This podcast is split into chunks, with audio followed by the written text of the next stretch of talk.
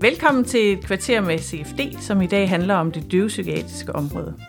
I dag der er vi taget på besøg på Psykiatrisk Center i Ballerup, hvor vi skal tale med psykiater Per Jensen. Så i dag så er det sådan set ikke os, men, øh, men Per, der byder velkommen.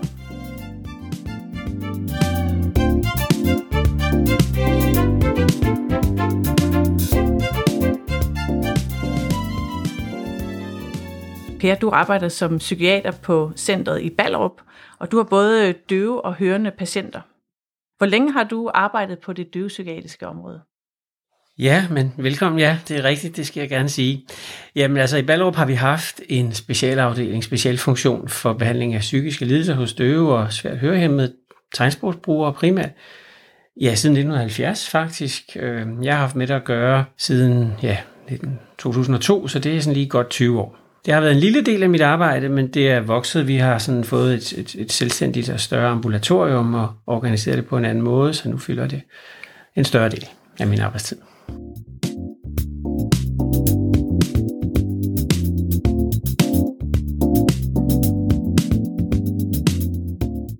På Psykiatrisk Center Ballerup ligger den højt specialiserede funktion for døvepsykiatri. Det er et landsdækkende tilbud for døve og mennesker med betydeligt høretab over 18 år. Døvpsykiatrien har som overordnet målsætning at tilbyde udredning og behandling på niveau med det, der tilbydes hørende i psykiatrien.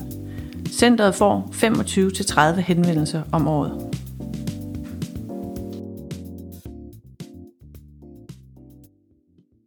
Hvor mange sengepladser har I her på døvpsykiatrisk afdeling? Vi har fire sengepladser reserveret til døve patienter, og det er sådan integreret i et afsnit for rehabilitering, øh, som det hedder.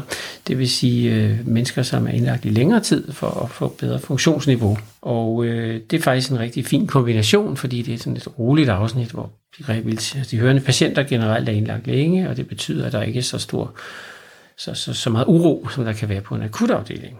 Så det passer fint til, til døve, som måske kan synes, det er overvældende at blive indlagt, hvis ikke de har prøvet det før. Og sådan, ja. Og, og det er jo sådan en landsdækkende funktion, ikke?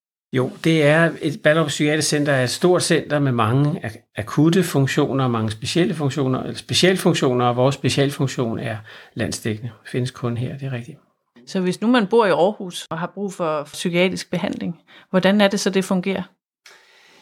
Man kan blive henvist hertil af alle læger i landet, og øh, så kommer man hertil og får betalt sin, refunderet sine transportomkostninger, og så øh, har vi samtaler herover.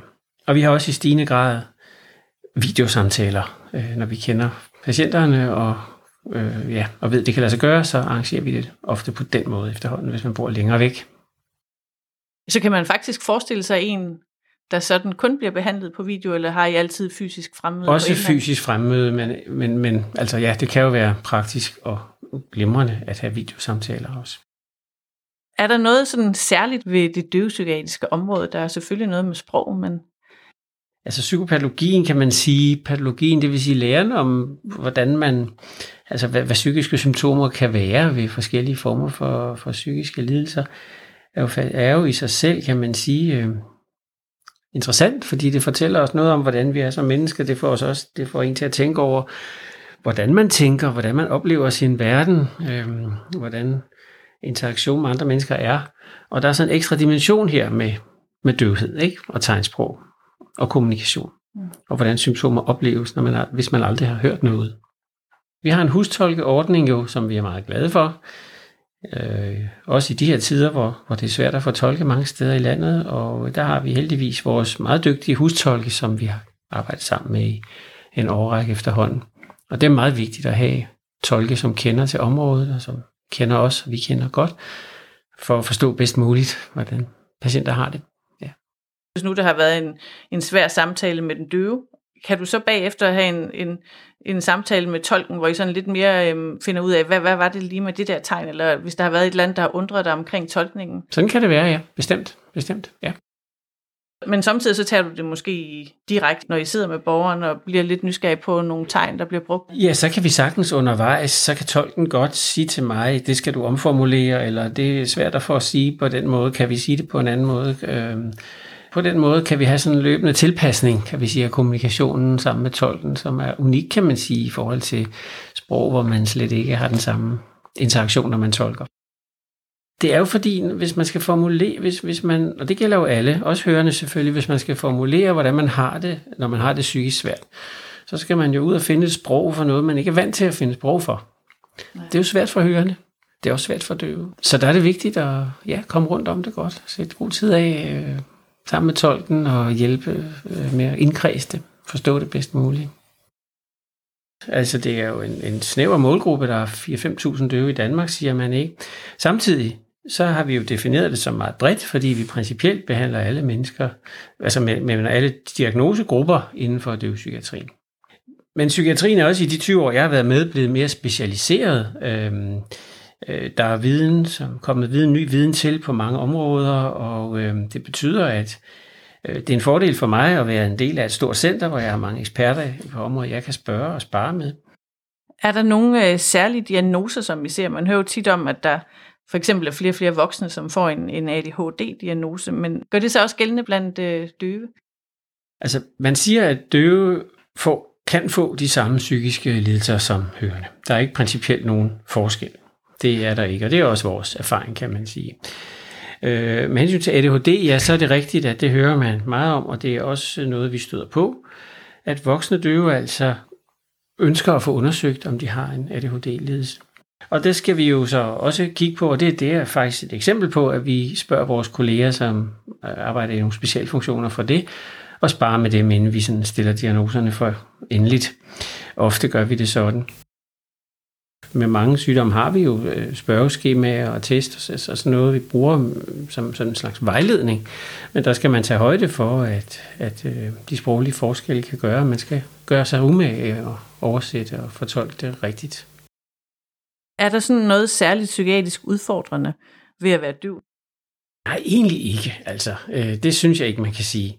Altså, vi har jo nok en overvægt af døve, som har haft vanskelige vilkår under opvæksten, og det, det tænker jeg også sprogligt, ikke? Altså, vi, øh, det vil sige, at man har ikke haft optimale indlæringsvilkår for, for tegnsprog i de tidligere år i liv, hvor det er så vigtigt at lære sprog.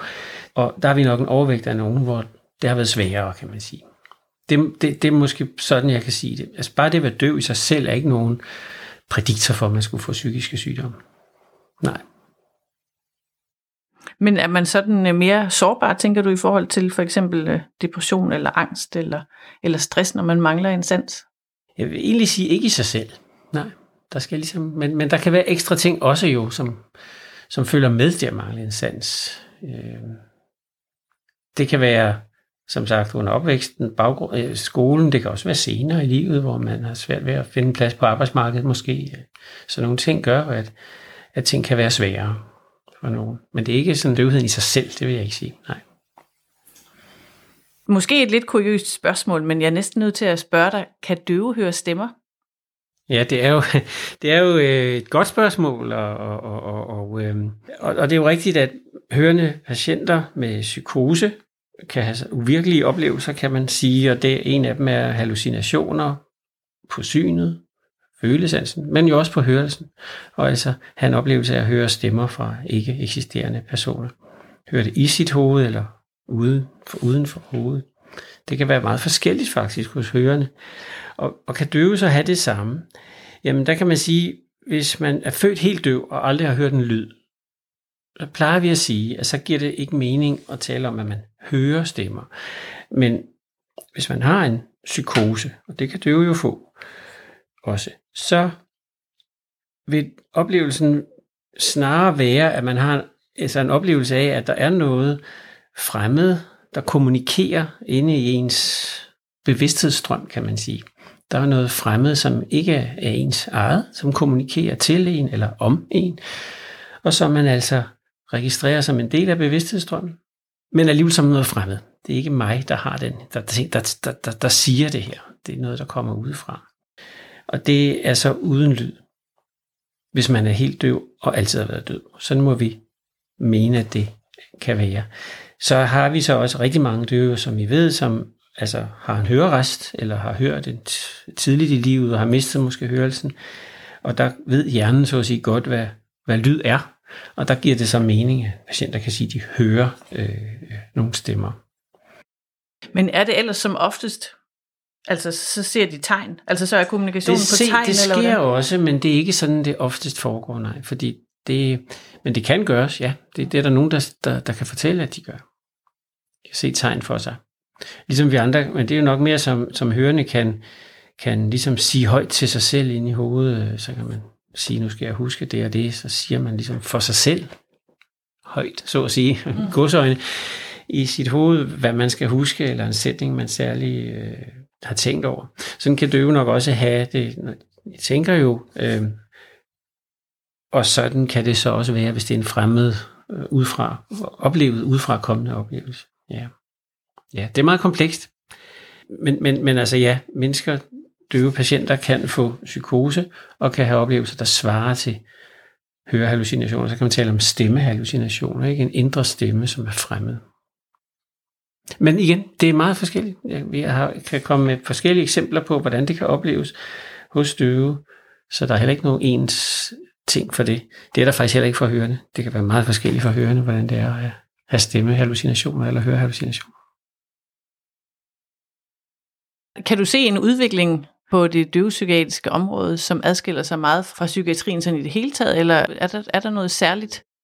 Det, der er sket i de år, jeg har været med, så at sige, det er jo, at cochlea-implantaterne, CI, virkelig er blevet udbredt. Og vi har selvfølgelig været meget spændt på, hvad det kommer til at betyde for, for sådan et område som vores. Ligesom jeg ved, døvekonsulenterne er der, og alle er det, ikke? Og vi har været med i de år, hvor, hvor døveskolerne, øh, så at sige, øh, næsten forsvundet. Efterskolen er lukket, og nu er det tegnsprogstolkeområdet, der er udfordret. Og for vores område kan vi altså være spændt på, hvad der vil ske.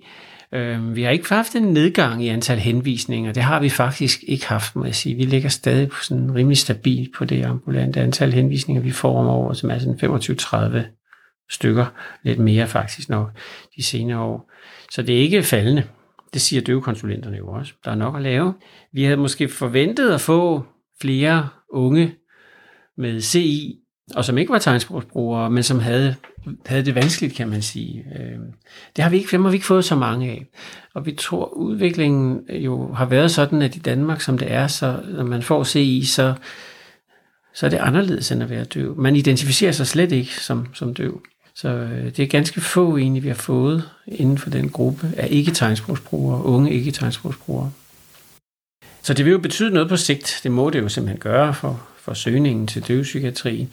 Og er man hørende med CI øh, og, og skal have og få en, en, en psykisk lidelse, så, så, så vil man selvfølgelig søge den hørende psykiatri. Man kan have svært ved gruppeterapi, gruppebehandling og sådan noget øh, i den hørende psykiatri, men så må man jo skræddersy behandlingerne der. Udover at du, du er ansat her, så er du også tilknyttet CFD som, øh, som psykiatrisk konsulent. Og de borgere, som vi har på CFD, de har jo ofte flere funktionsnedsættelser. Øhm, er det sådan en, en af de ting, der gør, at de opgaver, du løser på CFD, er meget anderledes end dem, som du løser her i Ballerup?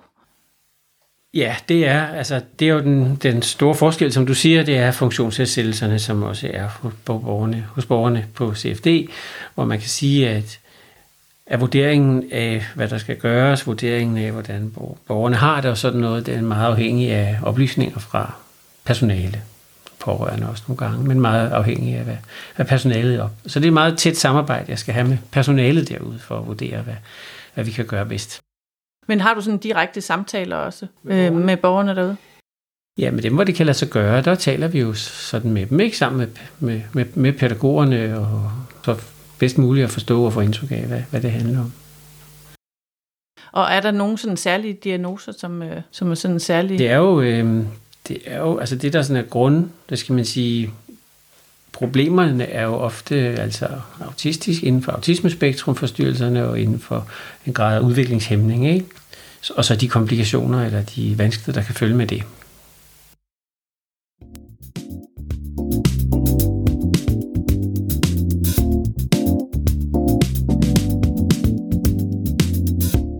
Altså, det er vældig spændende, og det er jo næsten ærgerligt, at vores podcast hedder Et kvarter med CFD, fordi nu er tiden ved at løbe ud for os.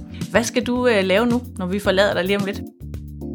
Jamen, øh, så skal jeg jo op i afdelingen og, og have nogle samtaler deroppe, ja. Tak fordi vi måtte kigge forbi. Meget velkommen.